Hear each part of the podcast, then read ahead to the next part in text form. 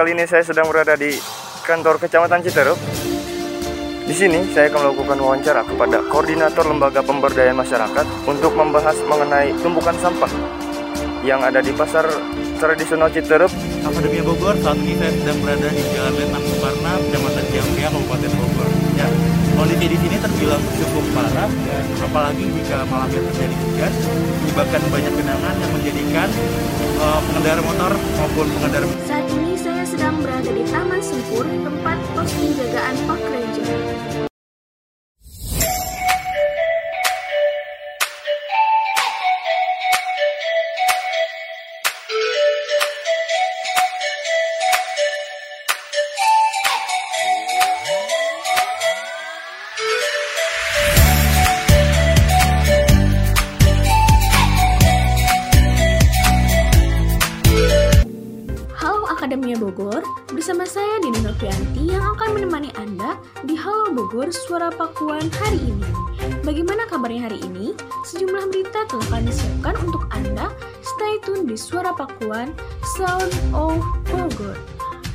Akademia, senang sekali bertemu lagi saya Dina Novianti dapat menemani Anda dalam Suara Pakuan Sound of Bogor ingin mewujudkan desa digital Kepala Desa Gunung Putri Kinjot Danasa Misade.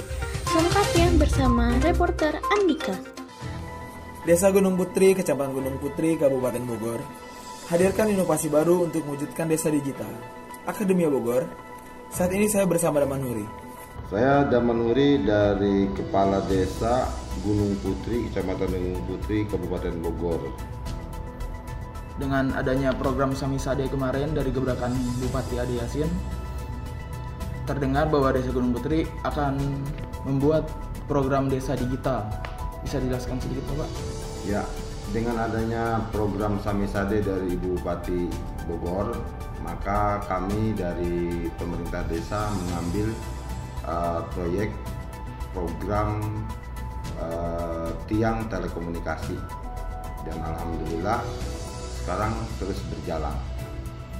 Sejauh ini Pak, apakah ada kendala terkait pemasangan tower? Kalau kendala-kendala sih ada cuma kecil dan bisa diatasi.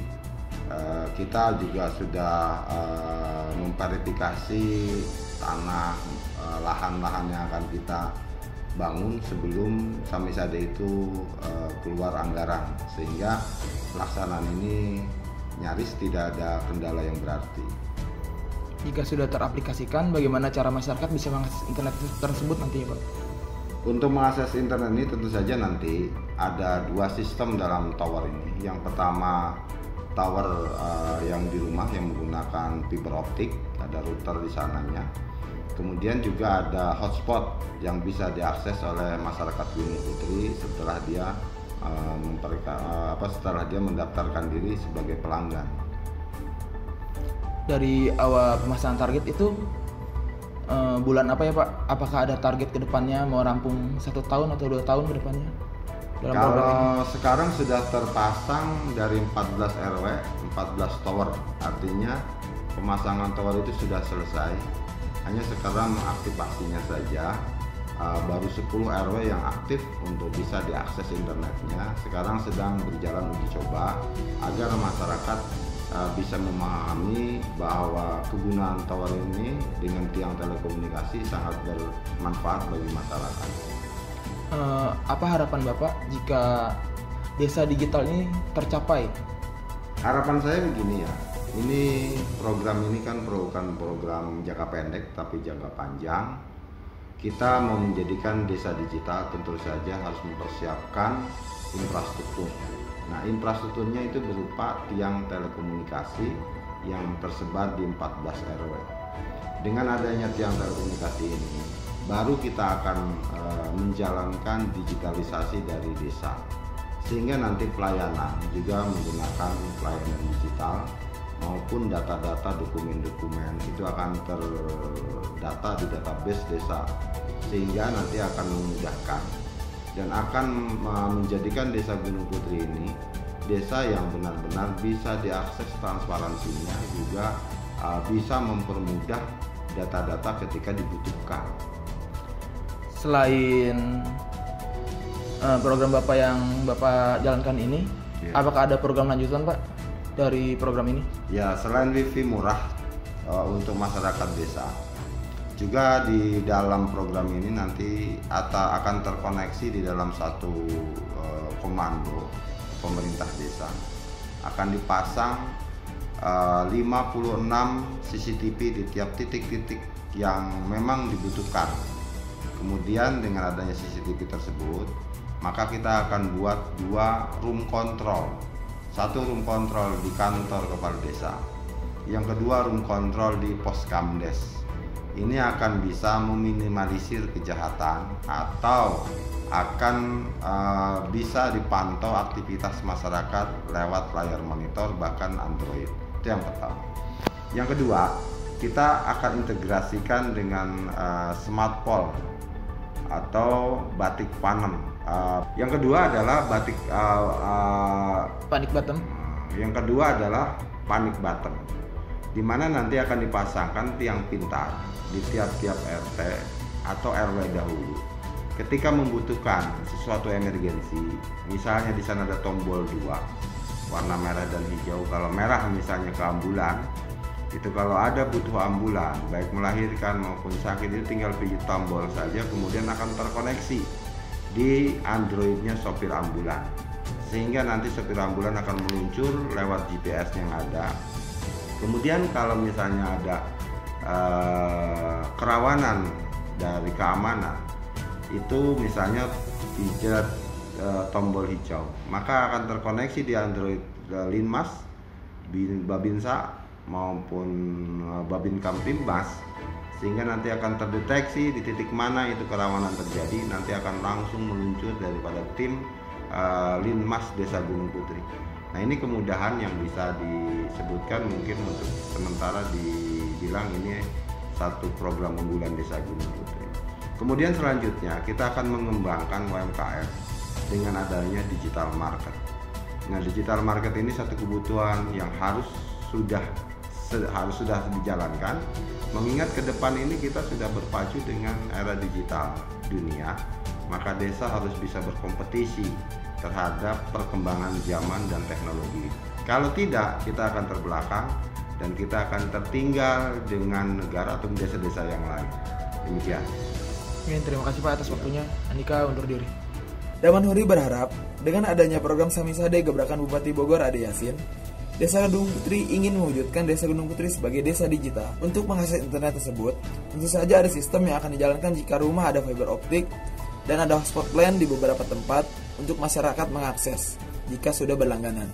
Ditambahkannya Daman Huri, dari 14 RW yang sudah terpasang, itu sudah teraktivasi dan masyarakat bisa mengaksesnya. Saya Andika, melaporkan untuk Suara Pakuan. Raka Syamtruli Rakasiwi, penyintas COVID-19 berbagi cerita pengalamannya selama isolasi. Selengkapnya bersama reporter Andika. Ketakutan kini sudah dibalut dengan rasa berani. Masyarakat sudah membekali diri dengan pengetahuan tentang COVID-19. Masyarakat dengan berani mengikuti vaksinisasi massal untuk terhindar dari paparan COVID-19. Stigma COVID-19 menghilang. Masyarakat pun ikut tenang dan lambat laun semua kembali normal. Saat ini saya bersama dengan Rako Samturi Rakasiwi sebagai penyintas COVID-19. Selamat malam dengan Mbak Rake ya. Betul. Ya, saya Andika dari Universitas, Uni- Universitas Pakuan. Ya. Saya ingin mewawancara Anda tentang stigma masyarakat tentang COVID-19 itu seperti apa sih? Saya punya per- beberapa pertanyaan untuk Mbak. Bagaimana pandangan Mbak melihat kondisi pandemi saat ini? Pandangan saya melihat kondisi COVID saat ini, saya lebih melihat sekarang ini COVID sudah menjadi sebuah fenomena yang akhirnya menyatu pada masyarakat gitu. Du- mungkin saat setahun pertama COVID datang ke Indonesia, eh, kita bisa lihatlah eh, kepanikan masyarakat baik itu masyarakat maupun pemerintah yang belum terbiasa pada wabah ini gitu kan. Nah, tapi eh, seiring berjalannya waktu memasuki hampir tahun kedua eh, COVID ini sudah menjadi sebuah fenomena yang akhirnya masyarakat sendiri juga sudah bisa beradaptasi dan berdamai sama eh, wabah ini gitu. Walaupun memang tidak tidak bisa dipungkiri kita juga masih tetap harus menjaga protokol kesehatan. Eh, pertanyaan selanjutnya, apakah Mbak sudah vaksin? Jika sudah, bagaimana perasaan Mbak? Saya sudah vaksin. Eh, Alhamdulillah juga saya sudah vaksin yang kedua juga.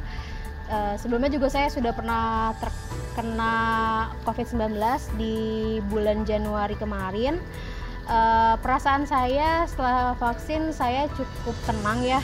Walaupun saya juga tahu bahwa vaksin ini memang bukan 100% untuk mencegah COVID masuk ke dalam tubuh saya, tapi eh, dengan saya vaksin saya juga bisa menjaga diri saya, menjaga orang-orang di sekitar saya.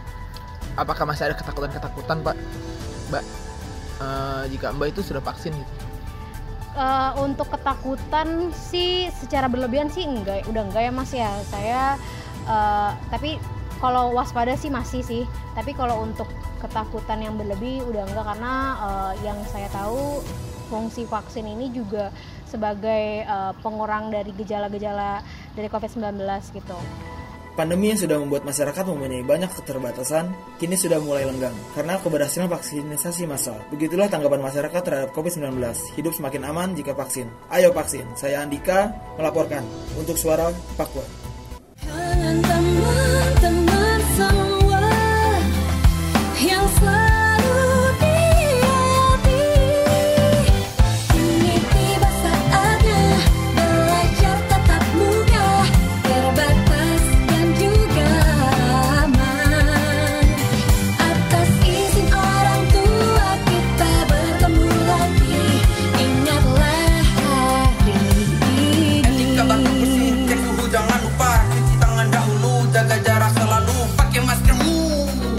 Kombinasi pembelajaran berkualitas yang aman juga nyaman bikin orang tua makin tenang. Ingin menikmati soto kuning yang sering disebut dengan kuliner khas Bogor, soto kuning terkenal itu yang terletak di Surya Kencana. Salah satunya adalah soto kuning Pak Yusuf yang sangat populer dan tidak pernah sepi dari pengunjung. Paukar mengatakan dia sudah menjual soto kuning sejak tahun 1995. Bapak Ukar Bapak Okta, iya. Buat pertanyaan pertama, sudah berapa lama sih Bapak berjualan soto kuning di sini? Kalau sotonya kurang lebih dari tahun 95 Terus eh, biasanya bera- habis berapa porsi sih setiap harinya Pak? Eh, itu dihitungnya per potong kurang lebih kalau per hari hari biasa aja ya Iya. kurang lebih 700 lebih lah 700 kilo. Nah, kalau enggak oh, potong per potongan. Per, oh iya 700 ya. Benar, 700. potongannya kalau hari libur bisa lebih Ya. bisa seribuan. Eh, berapa sih harga awal soto kuning ini? Eh, misalnya ada apa ada perubahan dari awal pertama buka? awal kurang lebih harga sekarang aja 11.000 dulu kurang lebih 600-an kalau nggak salah Oh. 600 800-an Jadi sesuai Ah, ya, sesuai tahunnya Pak dinaikin ya. Terus eh, biasanya daging yang diprodu- diproduksi harinya bisa berapa kilo Pak? Di kurang lebih 30 kiloan. 30 kiloan, iya. Eh, eh, di sini tuh Bapak eh, di sini aja sih eh, pertama kali di Surya Kencana aja ya, ininya, cuma di sini aja. Di sini aja nggak ada cabang Nggak lainnya ada. Pak.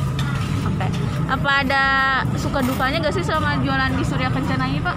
ya banyak lah. Dulu waktu masih kaki lima kan tahu sendiri. Pasti ada full PP itu doang. Hujan kepanasan kalau sekarang kan ada kios lumayan lah uh, buat bisa nampung banyak orang itu doang Jadi lebih eh, keadaannya jadi lebih baik ya Pak Ah, sekarang. sekarang suka, uh, suka aja gitu doang dukanya ya kalau waktu zaman kaki lima full PP Oh PP dibeliin terus ya Pak ya. Ya. Aukar menambahkan, situasi saat ini lebih baik dibanding sebelumnya yang harus berurusan dengan Satuan Polisi Pamong Praja, karena sudah memiliki kios yang dapat menampung banyak orang. Soto kuning Pak Yusuf ini memang paling dicari saat berkunjung ke Jalan Surya Kencana. Banyak orang yang rela antri demi bisa memakan semangkuk soto kuning ini. Jika Anda berkunjung ke Surya Kencana, jangan lupa mampir ya. Nina Novianti melaporkan untuk Suara Papua. Jumlah taman yang banyak membuat pemerintah harus memutar otaknya untuk menjaga taman-taman di kota Bogor. Salah satu upaya pemerintah adalah dengan meluncurkan petugas penjaga taman yang disebut Park Ranger. Selengkapnya bersama reporter Dina Novianti. Apa kalian pernah pergi ke Taman Kota Bogor dan bertemu petugas dengan seragam hijau? Mereka disebut dengan Park Ranger yang bertugas untuk menjaga taman-taman Kota Bogor. Mereka bertugas menjaga selama 24 jam penuh dengan sistem shift. Saya dengan Bapak Hera, saya sebagai eh, anggota Park Ranger. Ranger? Ya. Pertanyaan pertamanya apa? Bisa menjelaskan tugas Park Ranger itu apa sih? Park Ranger tugasnya itu mm, mengamankan area taman Ya. dari ini apa hal-hal yang negatif contohnya eh, kayak pacaran yang berlebihan minum minuman keras terus kami juga melarang untuk di area taman itu nggak boleh ngerokok dan mm, membuang sampah juga nggak boleh sembarangan Terus eh, biasanya berapa orang sih yang ditugaskan buat menjaga taman di sini? yang ditugaskan untuk sekarang mm, 6 6 orang Jadi per shift gitu ya Pak? per shift ya Iya. jadi dua shift Dua shift. pagi dua hari malam dua hari Ya, jadi itu 24 jam dijaga terus. 24 jam ya Terus lalu eh, pelanggaran apa aja sih yang biasanya ditindak oleh Pak Ranger terus sama hukumannya itu? ya untuk pelanggaran paling misalkan taman dibuka ya. Contohnya itu kayak ngerokok kan nggak boleh itu. Pasti kita larang untuk ngerokoknya di luar. Terus untuk yang pacaran itu biasanya kam- kami himbau juga misalkan berlebihan. Untuk sama juga sih untuk keluar juga. Tapi kadang-kadang misalkan ada yang minum minuman keras kayak gitu-gitu paling kita ambil minumannya terus kita suruh push up Oh, jadi hukumnya cuma yang ringan-ringan aja. ringan-ringan aja nggak berat-berat Lalu eh, ada berapa taman sih yang dijaga oleh Park Ranger ini? Udah berapa taman? enam 6. ya Apa aja sih itu? ini Taman Sempur kan Heeh. Taman Kencana Taman Helang Taman Cipapu Taman Pranginan sama Taman Kresta Oh. Terus sama ada pengalaman yang sulit gak sih sama jadi Park Ranger kalau kayak ada pengalaman-pengalaman yang gak enak gitu? sama ini sih belum ada Belum ada? ya Oh. Alhamdulillah aman sih Aman semua berarti Iya, ya iya. Oke. Park Ranger seperti yang sudah kalian ketahui saat ini mereka bertugas menjaga taman di Kota Bogor. Oleh karena itu, sebagai masyarakat, tentunya kita juga harus bersama-sama menjaga taman dengan cara tidak melanggar peraturan yang sudah ditetapkan. Dina Novianti melaporkan untuk Suara Pakuan. Sepak bola adalah olahraga favoritku sejak dulu. Ayah selalu mengingatkanku untuk menjaga kesehatan tubuh dengan olahraga yang teratur. Aku dan teman-temanku sering berolahraga di taman dekat sekolah. Tapi itu dulu. Sekarang olahraga di fasilitas umum kita wajib menggunakan masker, menjaga jarak, dan mencuci tangan dengan sabun supaya mengurangi resiko terkena virus dan penyakit menular lainnya. Seperti ayah bilang, ini adaptasi kebiasaan baru dalam hidup kita sekarang. Wajib mengikuti protokol kesehatan yang berlaku.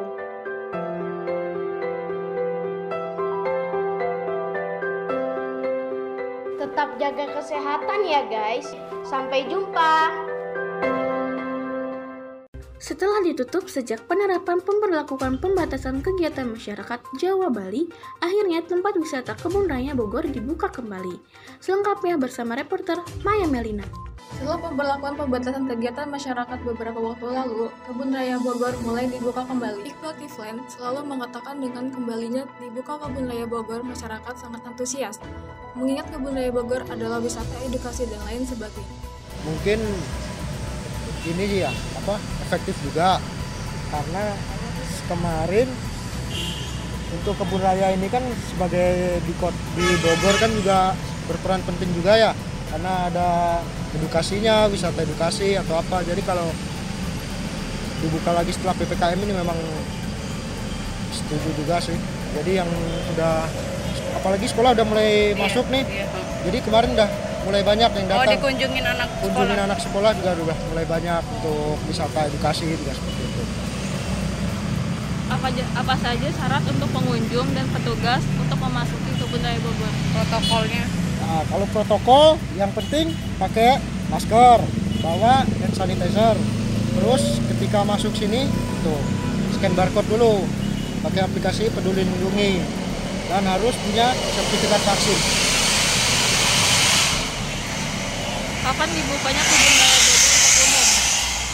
Terakhir itu semenjak PPKM yang berapa bulan yang lalu, dua bulan sempat tutup. Dibuka lagi kemarin sekitar bulan 9. Bulan Oh, 9 itu- baru dibuka lagi. Itu sejak PPKM level berapa Pak? ke dalam ya Pak? Level 4. Level 4 baru dibuka lagi, turun ke level 3 baru dibuka. Jam berapa operasionalnya? Untuk operasional kita weekday Senin sampai Jumat itu jam buka jam 8, tutup jam 4. Kalau untuk weekend itu buka jam 7, tutup jam 4. Untuk harga tiket masuknya berapa? Untuk tiket masuk sendiri sama seperti jam buka. Untuk weekday itu dikenakan biaya 16.500 per orang. Kalau untuk weekend 26.500 per orang. Terus kalau misalnya yang acara sekolah gitu harganya beda lagi nggak? Acara sekolah itu biasanya dapat diskon apalagi di atas 20 orang rombongan ya. Nah, nanti diarahkan di situ pusat informasi itu dapat tugasnya. Kita lupa nanya nama bapaknya siapa? Iqbal. Iqbal Tiflen. Bagi yang ingin mengunjungi Kebun Raya Bogor kembali, jangan lupa tetap patuhi protokol kesehatan. Saya Maya Melina melaporkan untuk Suara Pakuan. Pelangi di Bogor memang selalu dicari-cari untuk sekedar berkumpul bersama teman ataupun melepas lelah. Selain itu, banyak pengunjung yang akan tertarik pada suasana yang disuguhkan oleh alam dan udaranya yang sejuk. Selengkapnya bersama reporter Maya Melina. Ila Sumila yang sudah empat tahun berjualan mulai mengalami penurunan drastis di masa pandemi. Semenjak pemberlakuan pembatasan kegiatan masyarakat, sudah mulai mengalami kemajuan yang signifikan. Pertanyaan yang ini Bu, Bukit Pelangi sudah berapa lama berdiri? Di sini udah hampir empat tahun kalau si ibu mah kalau yang dulu dulu mah udah ada yang lima ada yang enam tahun. Jadi sebelumnya ada yang nempatin sebelum enggak dulunya tanah kosong maksudnya yang dulu dulu mah udah banyak sih tapi si ibu mah baru empat tahun di sini. Pukul berapa biasanya Ibu berjualan dan tutupnya pukul berapa? kalau hari biasa jam 8 bukanya tutupnya jam nyampe jam 9 sampai 10 malam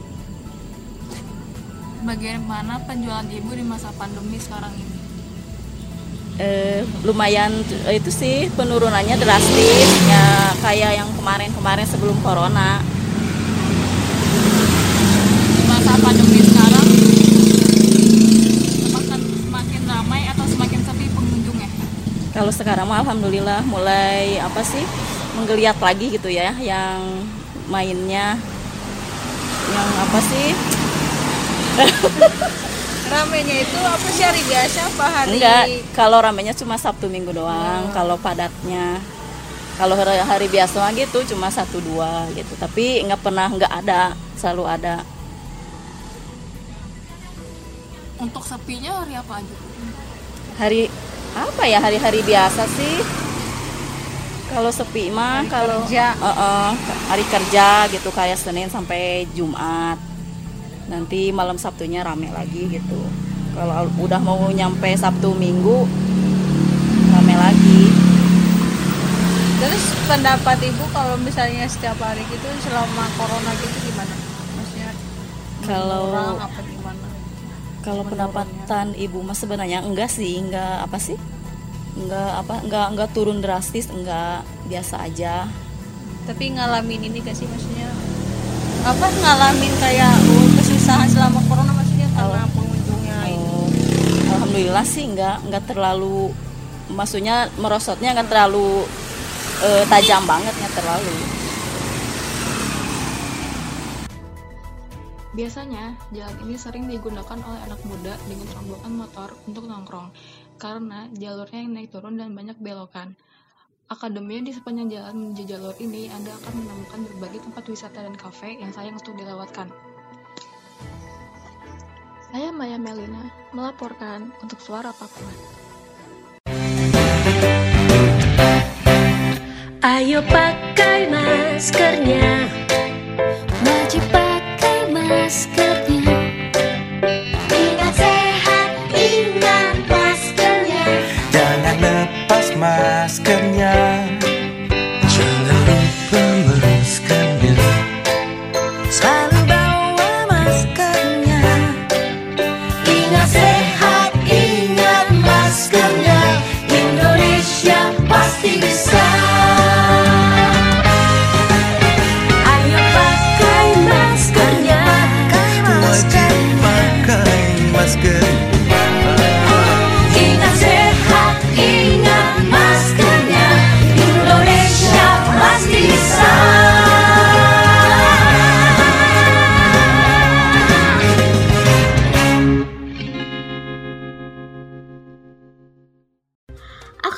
Bogor, infrastruktur menjadi pondasi kemajuan suatu bangsa. Di pemerintahan saat ini, sejumlah pembangunan telah dirampungkan demi mensejahterakan seluruh warga Indonesia. Infrastruktur yang mendukung konektivitas masyarakat, salah satunya yaitu Tol Bocimi, Bogor Ciawi Sukabumi sesi 1, yang memberikan dampak baik bagi masyarakat. Selengkapnya bersama reporter Naufal. Sudah sekitar tiga tahun yang lalu, Tol Bogor Ciawi Sukabumi yang biasa disebut Tol Bocimi sesi 1 dibuka. Hal tersebut membuat jalur arteri Ciawi menuju Cigombong dengan tanpa adanya kemacetan. Masyarakat pun antusias dengan dibukanya Tol Bocimi tersebut. Termasuk Sandika, merupakan masyarakat Ciawi yang merasakan dampak baik dengan hadirnya tol tersebut. Yang sebelumnya dia harus menempuh ke tempat kerjanya selama satu jam, kini dengan hadirnya tol tersebut ia hanya menempuh selama 15 menit dan ia pun berharap dengan adanya tol tersebut usaha-usaha masyarakat bisa menjadi lebih maju dikarenakan akses jalan yang sudah lancar. Berikut kutipannya. Bagaimana pendapat Anda tentang mengenai dioperasikannya tol Bocimi sesi 1 ini? Pendapat saya adanya tol Bocimi ini saya lebih bisa lebih hemat waktu lagi karena sebelum ada tol Bocimi saya sering terkena macet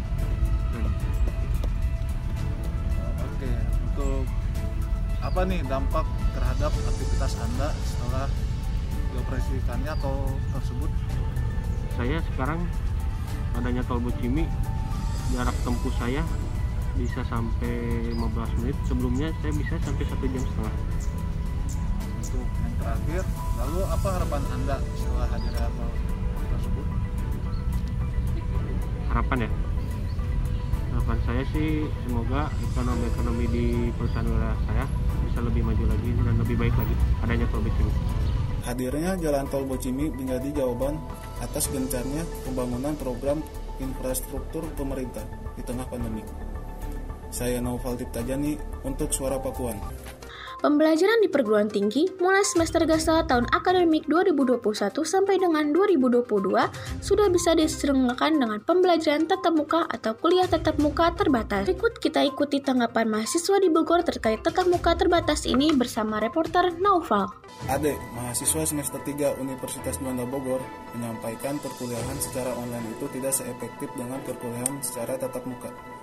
Namun beberapa waktu yang lalu, Menteri Pendidikan Nadiem Makarim mengizinkan kampus untuk menggelar perkuliahan secara tatap muka. Kebijakan tersebut disambut dengan baik oleh mahasiswa, termasuk Ade. Berikut pendapatnya.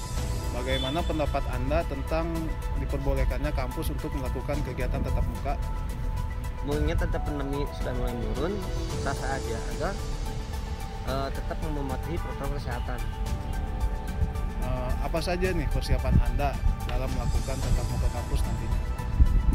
Persiapannya setelah dilakukannya tatap muka, kita harus menjaga keselamatan diri mulai dari membawa hand sanitizer, memakai masker, dan mematuhi protokol kesehatan. Nah, yang terakhir nih, eh, apa hara- harapan Anda ke depannya setelah kegiatan tatap muka di kampus ini digelar?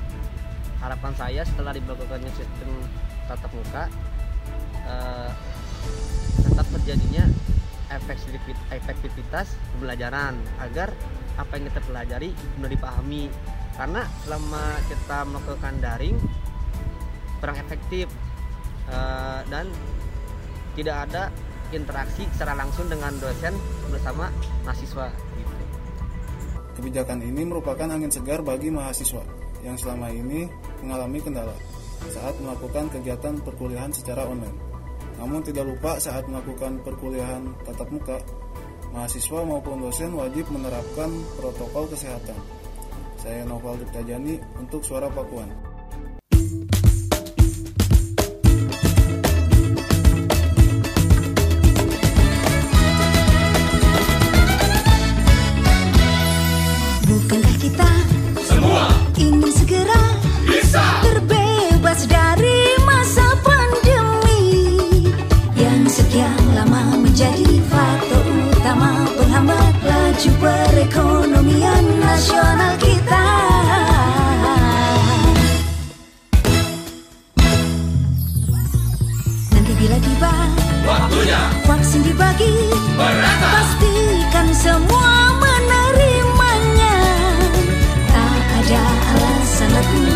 Penolakan jika masih punya rasa peduli pada kesehatan.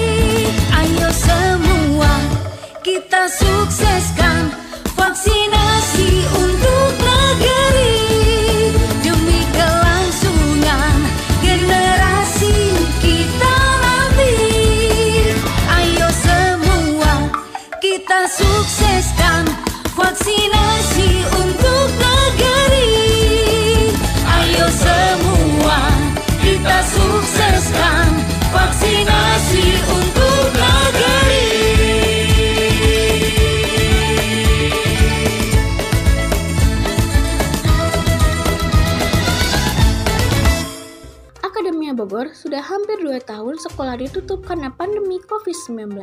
Akhirnya sekolah dibuka dan mulai diberlakukannya pembelajaran tatap muka.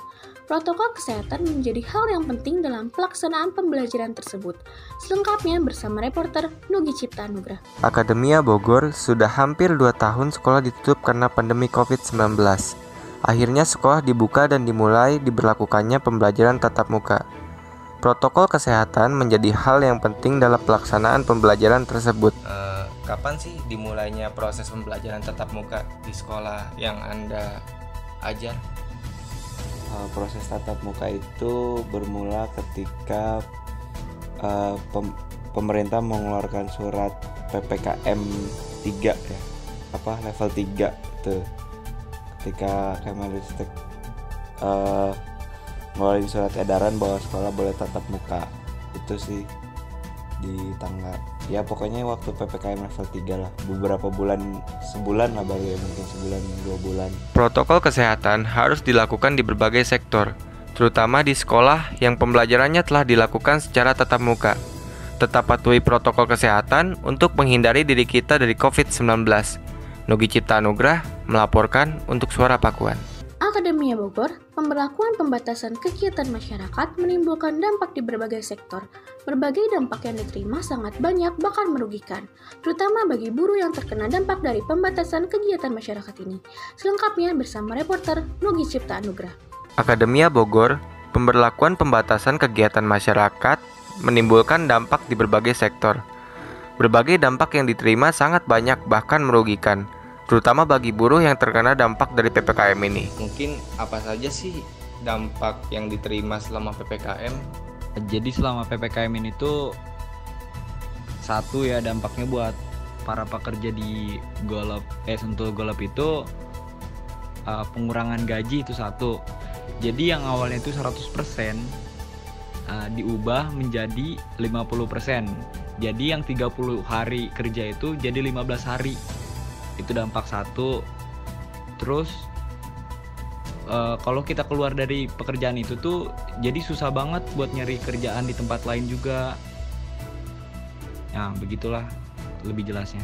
Mungkin pemberlakuan pembatasan kegiatan masyarakat untuk mengurangi penularan COVID-19 harus diiringi dengan kebijakan pemerintah yang tepat.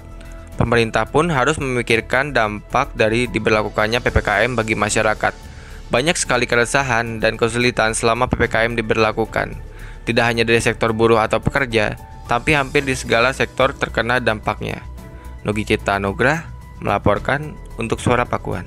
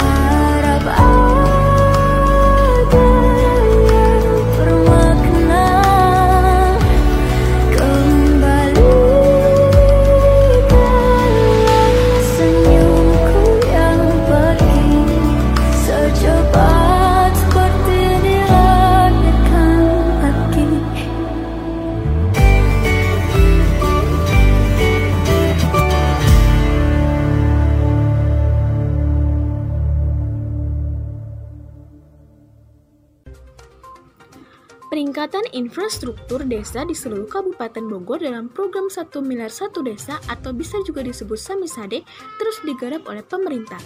Program ini diluncurkan oleh Bupati Bogor Ade Yasin untuk mendongkrak sektor perekonomian dan peningkatan infrastruktur desa. Sebanyak 41 dari 45 desa tertinggal naik status menjadi desa berkembang, sehingga hanya tersisa 4 desa yang tersebar di tiga kecamatan berstatus desa tertinggal. Desa Trikolot yang ada di Kecamatan Citerep menjadi salah satu desa dalam program Samisade ini. Lebih lengkapnya bersama reporter Jul Farhan. Desa Trikolot, Kecamatan Citerep, sudah melakukan beberapa pembangunan dalam meningkatkan infrastruktur desa dan sektor ekonomi masyarakat. Pembangunan tersebut di antaranya adalah pembuatan jalan raya baru dan sistem drainase. Jalan raya yang dinamakan Jalan Mustahil Jatiah dengan Kampung Sabur. Ditentukannya nama Jalan Mustahil dikarenakan sebelumnya area di sekitar jalan itu dipenuhi tanaman liar dan beberapa pemukiman warga. Mahfudin Anwar selaku Kepala Disun 2 Saripolot menerangkan bahwa dalam pembangunan jalan baru tersebut membongkar beberapa rumah yang masih menghalangi jalur pembangunan jalan raya mustahil.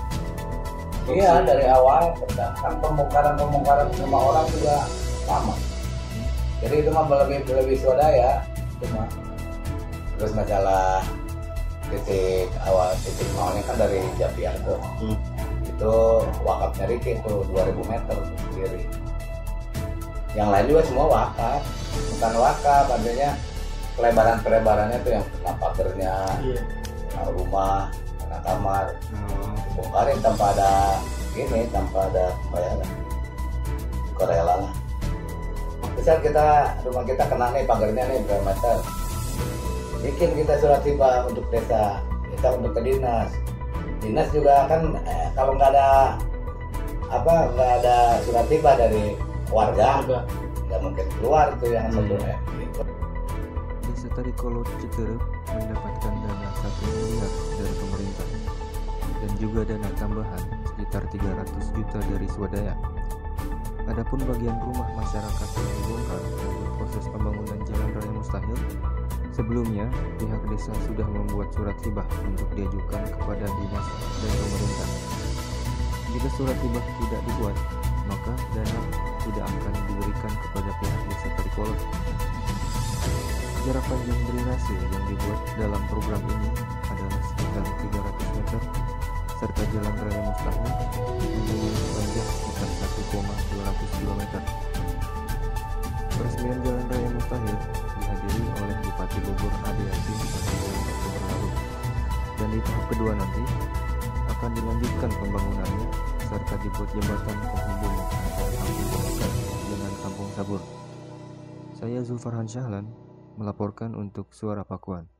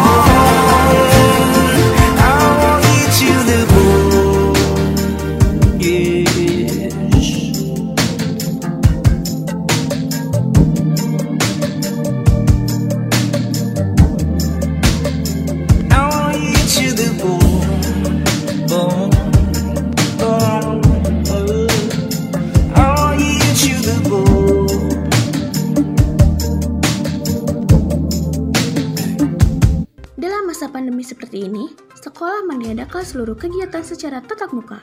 Di awal pandemi, sekolah dipaksa untuk berinovasi dengan pembelajaran dalam jaringan. Hal ini sudah berlangsung satu tahun lamanya. Saat ini pembelajaran tatap muka di sekolah kembali dilaksanakan tentu dengan mengikuti segala protokol kesehatan yang ada. Selengkapnya bersama reporter Gali.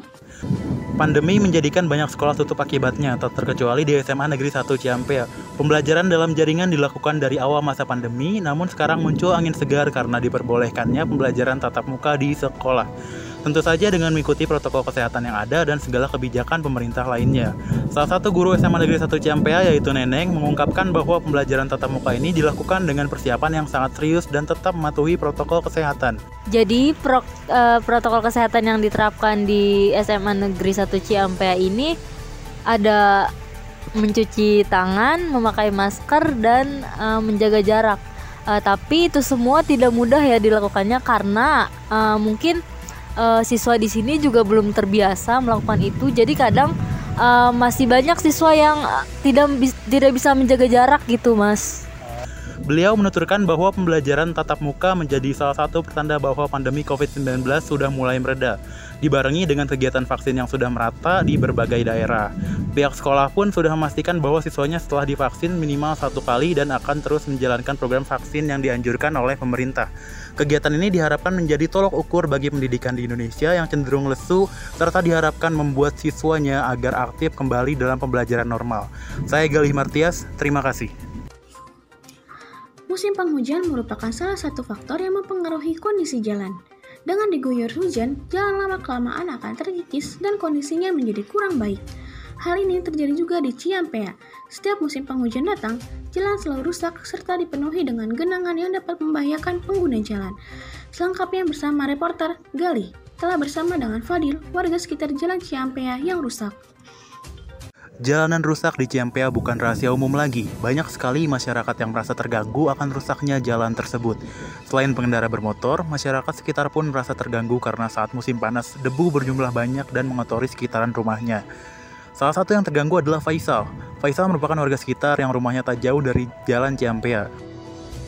faktor jalan ini menjadi rusak seperti ini yang terutama mungkin jalan yang pertama selalu dilintasi oleh pengendara-pengendara tapi yang terutama yaitu dari faktor cuaca karena terjadinya sering curah hujan Menurut Faisal, dia sangat terganggu dengan keadaan tersebut dan menginginkan jalan yang baik untuk dilintasi oleh pengendara. Faisal menuturkan bahwa belum mengetahui tentang rencana perbaikan jalan yang dilakukan oleh pemerintah. Tetapi Faisal berharap jalan di Ciampea lebih diperhatikan dan dirawat lagi agar tidak kembali rusak. Saya Gali Martias, terima kasih. Saya siapa? Ah, nggak tahu dah. Ayo dengar radio suara Pakuan. Jangan suara tetangga pada berantem, ya.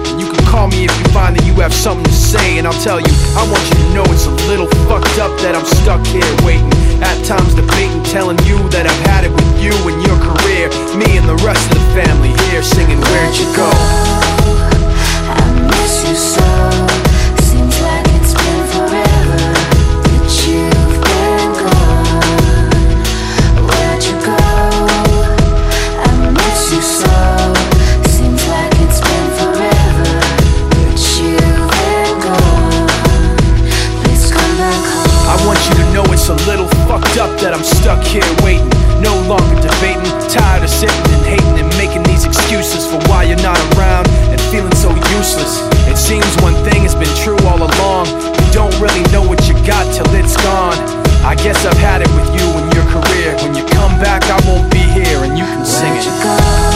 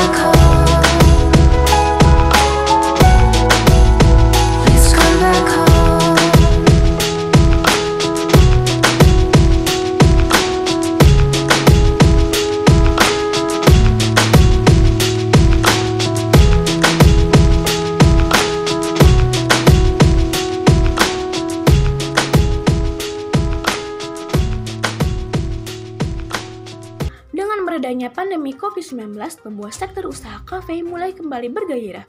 Banyak kafe yang mampu bertahan dalam menghadapi pandemi. Salah satunya adalah Cafe Alamanda. Berikut adalah tanggapan pemilik Cafe Alamanda terkait keberhasilan menghadapi pandemi. Selengkapnya bersama reporter Galih.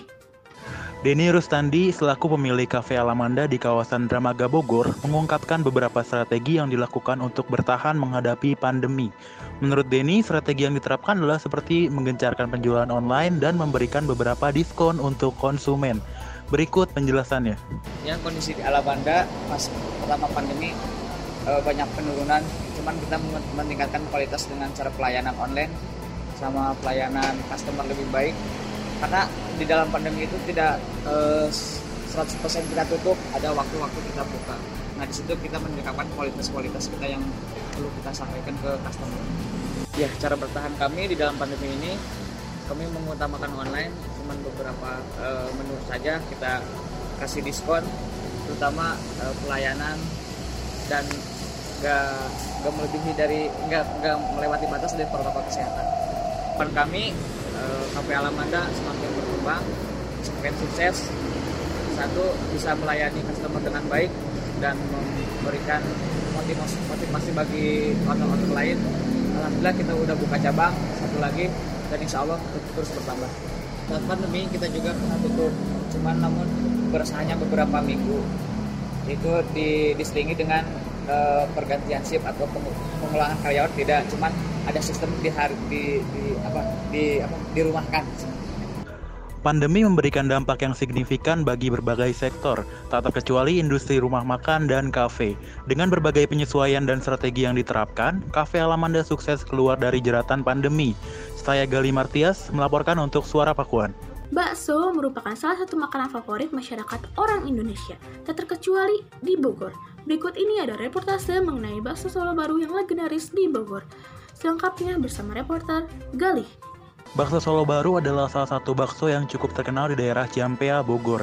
Dalam kesempatan kali ini, saya berhasil mewawancari pemilik bakso yang legendaris tersebut, yaitu Triatno.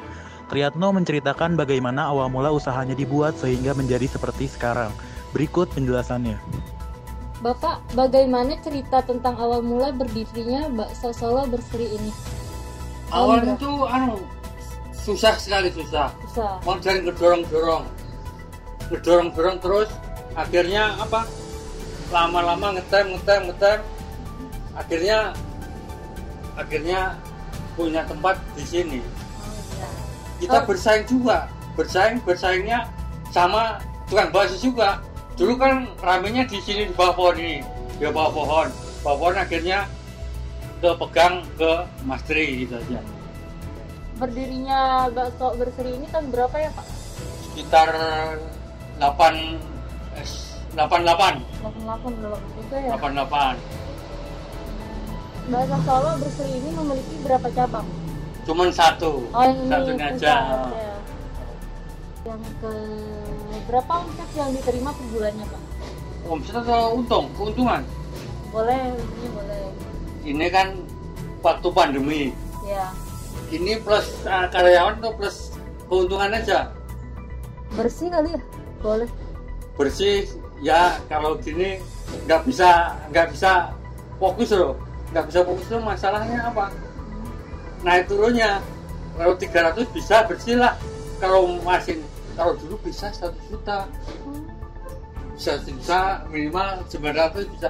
Anak buah aja bisa store sebulan 25 gitu. Hmm, gitu ya. Kalau ker ker sebelum belum pandemi Oh, jadi emang turun drastis juga ya? iya iya iya iya 50 persen Bagaimana cara menjaga kualitas bakso tetap eh, kualitasnya agar tetap baik? kita konsekuen dari segi daging Dagingnya ya. daging jadi kan macam-macam apa macam-macam itu kan pakai ayam pakai VL pakai apa rumah tri cuman daging itu aja daging plus sagunya seperempat. Oh, emang udah ada takarannya gitu ya? Memang menjaga kualitas. Kalau kualitasnya kita kan harga harga daging naik juga ikut naik. Jadi Oh. konsumen konsumen nggak nggak goyang gitu. Ya. Tapi pernah nggak Pak itu eh, kualitasnya turun gitu? Ada komplain dari konsumen? ya ada aja lah Ada ada aja, ada aja. Satu dua ada Eh, kemudian eh, apa suka duka selama berjualan dan apa harapan untuk ke depannya? sukanya kita kan apa ya suka sukanya kan punya anak buah punya pemasukan yang lumayan dukanya kalau kalau apa kalau omset turun jatuh kan kadang-kadang anak buah komplain gitu Kemudian eh, harapannya apa Pak? Harapan kita ya kalau bisa itu jangan harga daging normal gitu kalau harga daging meningkat itu kita gimana ya kita ngubah menu lagi Harganya juga ya. harga harga bisa naik tapi menunya itu loh Tan. harga nggak bisa naik Oh iya. itu kalau naik kan konsumennya gimana gitu Nikmatnya semangkuk bakso menjadi kesukaan banyak orang di Indonesia. Perpaduan antara daging dan tepung yang pas, serta berbagai bumbu rahasia lainnya menjadikan bakso Solo baru terkenal bagi masyarakat Bogor. Rasa yang tak pernah berubah menjadikan bakso Solo baru terus berkembang. Saya Gali Martias melaporkan untuk Suara Pakuan.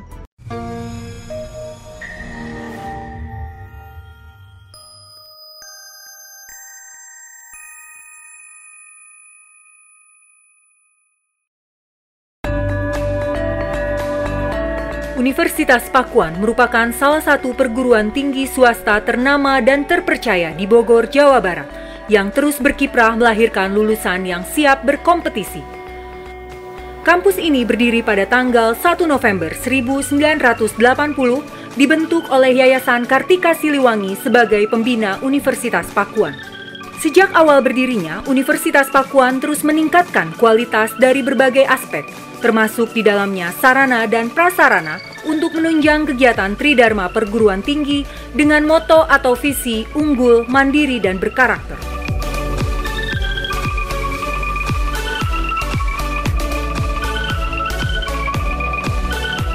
Saat ini, Universitas Pakuan Bogor menyelenggarakan program pendidikan jenjang program vokasi Diploma 3, Sarjana, Profesi, Magister, dan Doktor. Tercatat memiliki 6 fakultas, satu sekolah vokasi, dan satu sekolah pasca sarjana dengan 36 program studi yang tersebar di berbagai jenjang pendidikan dan telah mendapatkan status akreditasi dari Badan Akreditasi Nasional atau BANPT.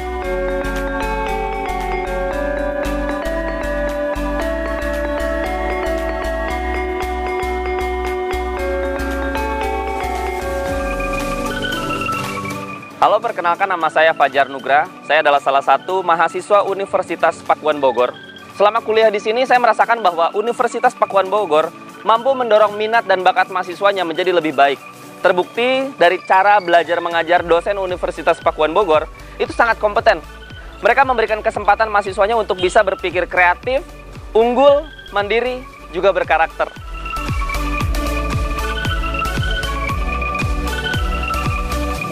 Sekarang saya mau ngajakin teman-teman semua untuk keliling kampus Universitas Pakuan Bogor. Kita lihat suasana yang ada di sini. Kita kampus tour. Let's go!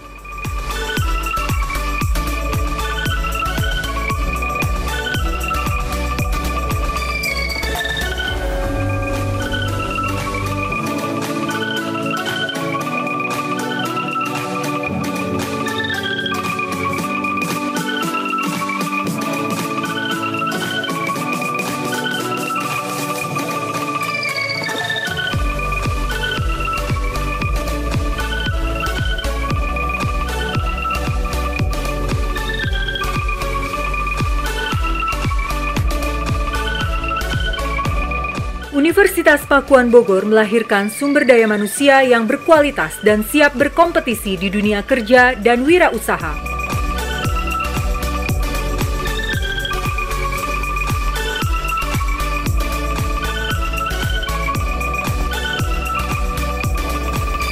Universitas Pakuan saat ini memiliki program sekolah vokasi untuk mendorong kemampuan wirausaha para lulusannya dengan program studi akuntansi, manajemen pajak, perbankan dan keuangan, teknologi komputer, dan sistem informasi. Fakultas Hukum dengan program studi ilmu hukum memiliki program konsentrasi hukum perdata, hukum pemerintahan, hukum pidana, dan hukum internasional. Lulusan Fakultas Hukum memiliki masa depan mencapai peluang di era kompetisi baik nasional, regional, maupun global. Fakultas Ekonomi dan Bisnis dengan program studi manajemen dan akuntansi memiliki program konsentrasi manajemen sumber daya manusia, manajemen operasional, manajemen pemasaran, manajemen keuangan, akuntansi keuangan, akuntansi perpajakan, auditing, akuntansi manajemen, dan akuntansi sektor publik. Fakultas Keguruan dan Ilmu Pendidikan dengan program studi Pendidikan Bahasa Inggris, Pendidikan Bahasa Indonesia, Pendidikan Biologi, Pendidikan Guru Sekolah Dasar, Pendidikan Ilmu Pengetahuan Alam, dan Pendidikan Profesi Guru. Sebagai lembaga pendidikan tenaga kependidikan, Fakultas Keguruan dan Ilmu Pendidikan tetap konsisten dengan tugas dan fungsinya, yaitu menghasilkan lulusan calon guru yang bermutu, mandiri, dan berkepribadian. Fakultas Ilmu Sosial dan Ilmu Budaya dengan program studi Sastra Inggris, Sastra Indonesia, Sastra Jepang, dan Ilmu Komunikasi. Fakultas Ilmu Sosial dan Ilmu Budaya menghasilkan lulusan yang memiliki sumber daya manusia berkualitas, terutama dalam bidang bahasa, sastra, dan komunikasi yang bermanfaat bagi bangsa dan negara Indonesia. Fakultas Matematika dan Ilmu Pengetahuan Alam dengan program studi Biologi, Kimia, Matematika, Ilmu Komputer, dan Farmasi menjadi fakultas yang unggul, mandiri, dan berkarakter di bidang sains. Fakultas Teknik dengan program studi Teknik Geodesi, Teknik Perencanaan Wilayah dan Kota, Teknik Sipil, Teknik Elektro, dan Teknik Geologi menjadi fakultas teknik yang unggul dalam ilmu pengetahuan dan teknologi, mandiri dalam berkarya, dan tetap menjaga karakter yang baik. Sekolah Pasca Sarjana memiliki dua program magister S2 dan doktoral S3, program studi administrasi pendidikan, manajemen lingkungan, ilmu hukum, manajemen, pendidikan ilmu pengetahuan alam, dan perencanaan wilayah dan kota.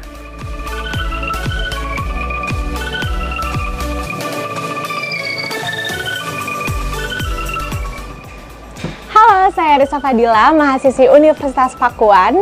Saya bangga menjadi bagian dari Universitas Pakuan yang menyediakan ruang serta wadah bagi diri saya untuk lebih berkembang lagi. Universitas Pakuan mampu mendorong mahasiswanya untuk lebih mengeksplor minat dan bakatnya, baik dalam segi akademik maupun non-akademik, di tingkat jurusan, fakultas, maupun universitas. Sebagai penunjang kegiatan Tridharma di era teknologi, Universitas Pakuan mempunyai laman untuk mendukung program Learning Management System. Sisdata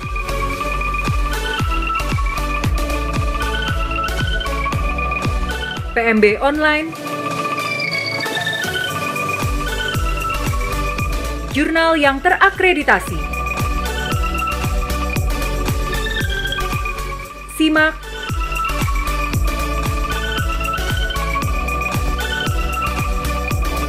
LPMI dan LPPM. Pembelajaran daring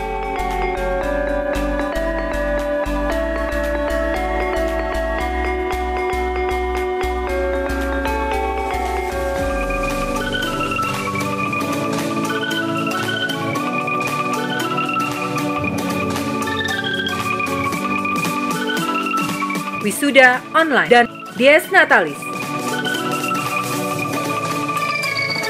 Universitas Pakuan dilengkapi dengan fasilitas gedung serbaguna, lapangan olahraga, tempat ibadah, dan food court yang menunjang kebutuhan mahasiswa.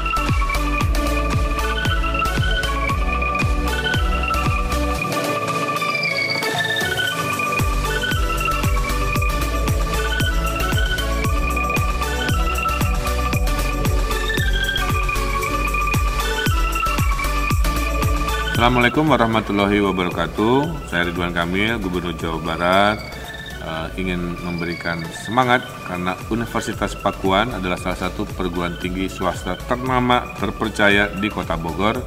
Sudah melahirkan banyak lulusan yang siap berkompetisi baik di dunia kerja dalam maupun luar negeri, baik menjadi birokrat maupun jadi pengusaha, menjadi orang-orang yang hebat luar biasa.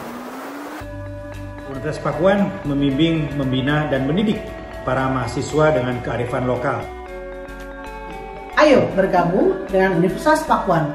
Universitas Pakuan unggul, mandiri, dan berkat.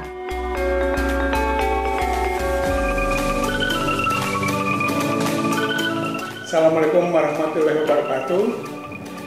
Saya Bimbing Rubini, Rektor Universitas Pakuan, mengajak kepada seluruh adik-adik lulusan menengah atas untuk sama-sama bergabung dengan kurang lebih 15.000 mahasiswa yang sedang belajar di Pakuan. Saya yakin Anda tidak kecewa untuk diberikan pendidikan pendidikan karakter dan sekaligus pendidikan kewirausahaan di kampus Pakuan yang mengedepankan moto silih asih, silih asah, silih asuh untuk menghasilkan sumber daya manusia yang unggul, mandiri, dan berkarakter. Assalamualaikum warahmatullahi wabarakatuh.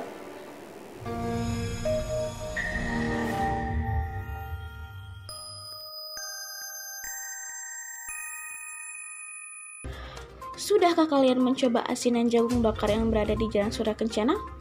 Untuk beberapa orang, nama makanan ini cukup asing. Namun, ini adalah salah satu kuliner yang terkenal di daerah itu. Rasanya yang unik dan membuat beberapa orang ketagihan. Ada salah satu lapak penjual asinan jagung bakar tertua, yaitu asinan jagung bakar Pak Sabur di Jalan Surya Kencana. Selengkapnya bersama reporter Dira Novianti. Jika selama ini kalian hanya mengetahui asinan terbuat dari buah-buahan dan sayuran, kuliner unik yang berada di Jalan Surya Kencana merupakan asinan dari jagung bakar.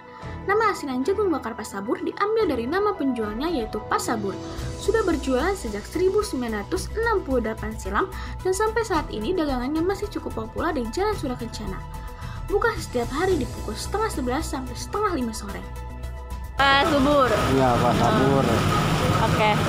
Pertanyaan pertamanya sudah berapa lama Bapak jualan asinan jagung ini? Oh, udah lama nih, teh. Oh, Berapa? dari dari tahun 68 deh. 68. Ya. Sekarang udah tahun 21. Jadi berapa tahun ininya? Lama juga sih. Iya, iya, iya. Eh, harga satu porsinya berapa Pak? Kalau pakai ini 30 kerupuk. Pakai kerupuk 30 Nah, ribu. kalau jagungnya aja 20. Oh, oke. Jam berapa aja sih biasanya Bapak berjualan di sini? Jam setengah 10 sampai setengah 5. Setengah lima. Ya, sore. Sehari bisa ber- habis berapa porsi sih Pak? Bagaimana konsumen lama sepinya. Kalau begini kan ada sepi. Nah, kalau hari Sabtu Minggu mah biarin begini juga ada aja gitu. Ramai ya, Pak, ya? Iya. Karena kan kalau hari biasa kan nggak tentu sih ya jadinya. Apa sih yang membedakan uh, asinan jagung Bapak dengan milik yang lain? Soalnya kalau yang lain kan banyak, yang baris itu itu kan banyak yang lain. Kalau ini kan cuma satu, nggak ada lagi. Makanya barangnya barang langka, tapi nggak ada yang jualan banyak ini. Jadi orang konsumen itu larinya ke sini semua. Iya, iya. Tuh. Terus uh, saya boleh tahu nggak sih uh, apa sih yang bikin uh, uh, jagung ini tuh laku gitu? Yang bikin Soalnya kalau bikin laku ini udah terkenal sih ya dari mana-mana juga. Jadi kan kalau masih kecil kan dia pengen tahu gitu rasanya bagaimana. Ya, ada nggak sih suka duka Bapak selama jualan di sini? ada sih, ada Bisa diceritain nggak Pak? Dikit aja nggak apa-apa. Maksudnya apa nih? Misalnya kayak uh, pasti suka dukanya lah. Maksudnya selama jualan di sini tuh ada uh, apa aja gitu masalahnya atau nggak sukanya tuh gimana gitu. Masalahnya ya begini aja jadi masalahnya yang bikin heboh itu kayak kuahnya gitu. Jadi orang udah tahu oh kuahnya begini, begini. Jadi kan rasa orang lain kan oh dari sana ke sini kurang ininya jadi begitu. Ya. Cita rasa asam pedas dari kuah dan manisnya jagung juga membuat asinan ini sangat segar dan cocok dimakan di siang hari. Jika kalian mengunjungi Jalan Surah Kencana Bogor, jangan lupa mencicipi wisata kuliner Bogor asinan jagung bakar Pasabur ini. Dina Novianti melaporkan untuk Suara Pakuan. Program vaksinasi terus digencar oleh pemerintah. Tak hanya di sentra vaksin besar, tetapi sekarang pemerintah membuat vaksin di tiap desa. Salah satu desa yang melakukan vaksinasi adalah Desa Cibadak. Untuk mengetahui lebih lanjut mengenai pelaksanaannya, mari kita ikuti laporannya dari reporter Gali. Vaksinasi merupakan salah satu upaya untuk meredakan kasus COVID-19. Dengan vaksin diharapkan warga memiliki kekebalan tubuh yang lebih baik untuk menangkal COVID-19 ini. Saat ini, Desa Cibadak yang berada di Kecamatan Ciampea sedang melakukan vaksin untuk warganya. Vaksin yang diberikan adalah jenis Sinovac. Pada kesempatan kali ini, saya mewawancarai salah satu warga yang ikut serta dalam program vaksinasi ini, yaitu Siti Rohilah. Berikut adalah hasil wawancaranya. Nah, pelaksanaan vaksin di Desa Cibadak udah termasuk bagus karena difasilitasi ada bangku dan segala macam jaga jarak baik panitia maupun peserta vaksin semuanya prokes berjalan lancar dan aman. Oh iya, selanjutnya nih Bu, eh, apa ya yang membuat Ibu tuh pengen divaksin kan? Kita tahu sendiri ya banyak banget beredar hoax di masyarakat terkait vaksinasi ini. Jadi apa yang mendasari Ibu untuk mau divaksin? Vaksin itu kan untuk kesehatan saya juga. Terus emang anjuran dari pemerintah itu harus divaksin. Vaksin itu kan buat kita akses ke mana-mana, ke mall. Terus kan kita naik bis harus ada vaksin lah surat vaksin itu. Terus eh, yang terlebih dari semua yang udah vaksin katanya ada yang sakit, bahkan ada yang sampai meninggal gitu. Tapi yang saya rasakan alhamdulillah vaksin tuh aman-aman aja, Mas. Alhamdulillah. Mungkin itu tergantung kekebalan tubuh masing-masing ya, Mas ya. Oh iya Bu, untuk hari ini tuh Ibu vaksin dosis keberapa ya? Dan setelah divaksin, apa sih yang Ibu rasain? Apakah ada pusing atau demam atau apa? Sekarang ini saya baru selesai vaksin yang ke satu ya Mas Dan alhamdulillah yang saya rasakan tidak berdampak apa-apa Maksudnya ya biasa-biasa aja Saya nggak pusing Saya nggak bagaimana gitu Terus saya juga berharap di vaksin yang kedua nantinya tidak akan terjadi apa-apa pula karena mungkin ya udah kekebalan yang vaksin yang pertama ini loh mas. Baik Bu, mungkin ini untuk pertanyaan terakhir nih ya Bu ya. Eh, harapan Ibu tuh ke depannya untuk pandemi COVID-19 di Indonesia itu bagaimana ya Bu? Harapan saya ya mas bisa pulih kembali kita bisa aktivitas kembali bagi yang kerja, pelajar atau mahasiswa atau yang lainnya juga. Pokoknya semuanya pengen pulih kembali mas. Kita pariwisata atau apa kita nggak ada rasa takut atau apa gitu aja ya mas. Pelaksanaan vaksinasi di Desa Cibadak ini berjalan dengan lancar. Ibu Siti Rohilah merupakan salah satu peserta vaksin yang dapat saya wawancarai dalam pelaksanaan vaksinasi tersebut. Dengan adanya vaksinasi di desa ini diharapkan akan memberikan kepraktisan kepada warga yang hendak vaksin, karena tak perlu jauh-jauh ke sentra vaksin lain. Saya Gali Martias melaporkan untuk Suara Pakuan.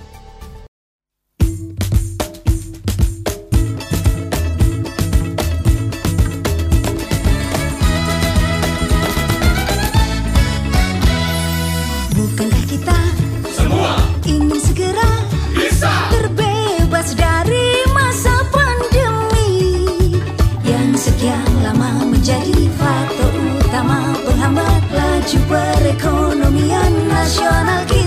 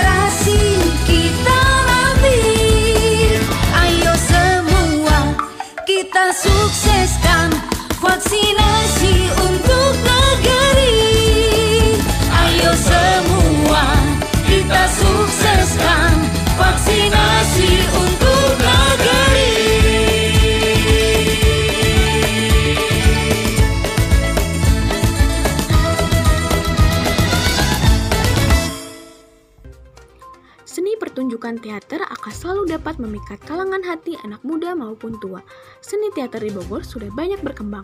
Salah satunya ada Teater Karung, sebuah komunitas teater yang bernaung di Fakultas Ilmu Sosial dan Ilmu Budaya Universitas Pakuan Bogor.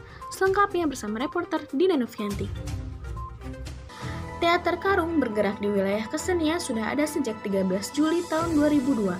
Teater Karung masuk dalam teater kampus berlatih setiap tiga kali dalam seminggu.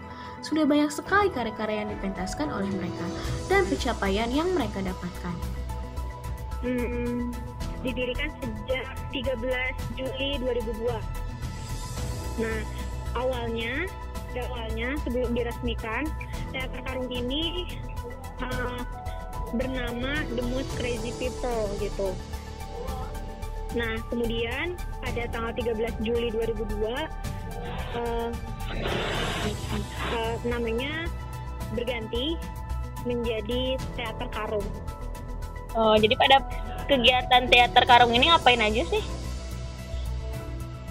Kalau di Teater Karung sendiri sebenarnya uh, yang yang pertama itu uh, yang pasti kita latihan. Uh, latihan terus kita juga rapat karena kita ada uh, di karena kita juga bukan sekedar teater tapi kita juga ada organisasinya. Jadi kita juga ada rapat program kerja ada beberapa rapat uh, seperti kayak pembentukan uh, susunan uh, organisasinya seperti apa atau program kerja yang akan dijalankan seperti apa dan lain-lain. Kemudian ada piknik piknik teater. Piknik teater itu bisa kayak uh, kita nonton teater lain uh, atau uh, kita latihan di luar misalnya. Jadi piknik teater itu uh, kita piknik tapi kita sambil berteater, entah itu belajar teater atau kita menonton teater gitu. Nah kemudian ada yang yang yang pasti setelah latihan teater pasti ada pementasan. Nah jadi uh, teater karung itu uh, sudah banyak uh, melakukan pementasan-pementasan gitu. Apa saja sih pencapaian yang sudah didapat oleh teater karung ini? Nah untuk uh, pencapaian ada beberapa pencapaian yang sudah kami dapat uh, beberapa tahun ke belakang. Uh, yang baru yang baru aja yang baru aja itu di kami dari teater karung kita dapat juara tiga festival monolog masyarakat teater Cimahi ke Jawa Barat tahun 2021. Oh.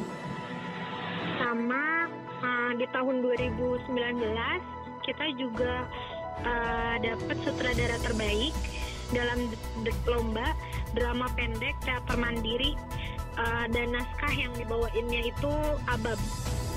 Okay. Nah Abab yang tadi uh, masuk ke pementasan, nah naskah itu pula pementasan itu pula yang uh, apa ya yang menang di sutradara terbaik gitu. Dengan arti kata teater yaitu panggung pertunjukan dan arti kata karung seperti memasukkan apa pun mulai dari bakat dan dapat mengambil apa pun yang ada di dalamnya seperti ilmu yang sudah disimpan. Teater karung sendiri dapat membuat banyak karya dan pencapaian untuk ke depannya. Dina Novianti melaporkan untuk Suara Pakuan. Akademia Bogor, tidak terasa sudah 90 menit saya menemani Anda. Terus dengarkan Suara Pakuan, Sound of Bogor, unggul, mandiri, dan berkarakter. Saya Dina Novianti, pamit undur diri. Sampai jumpa. Terima kasih.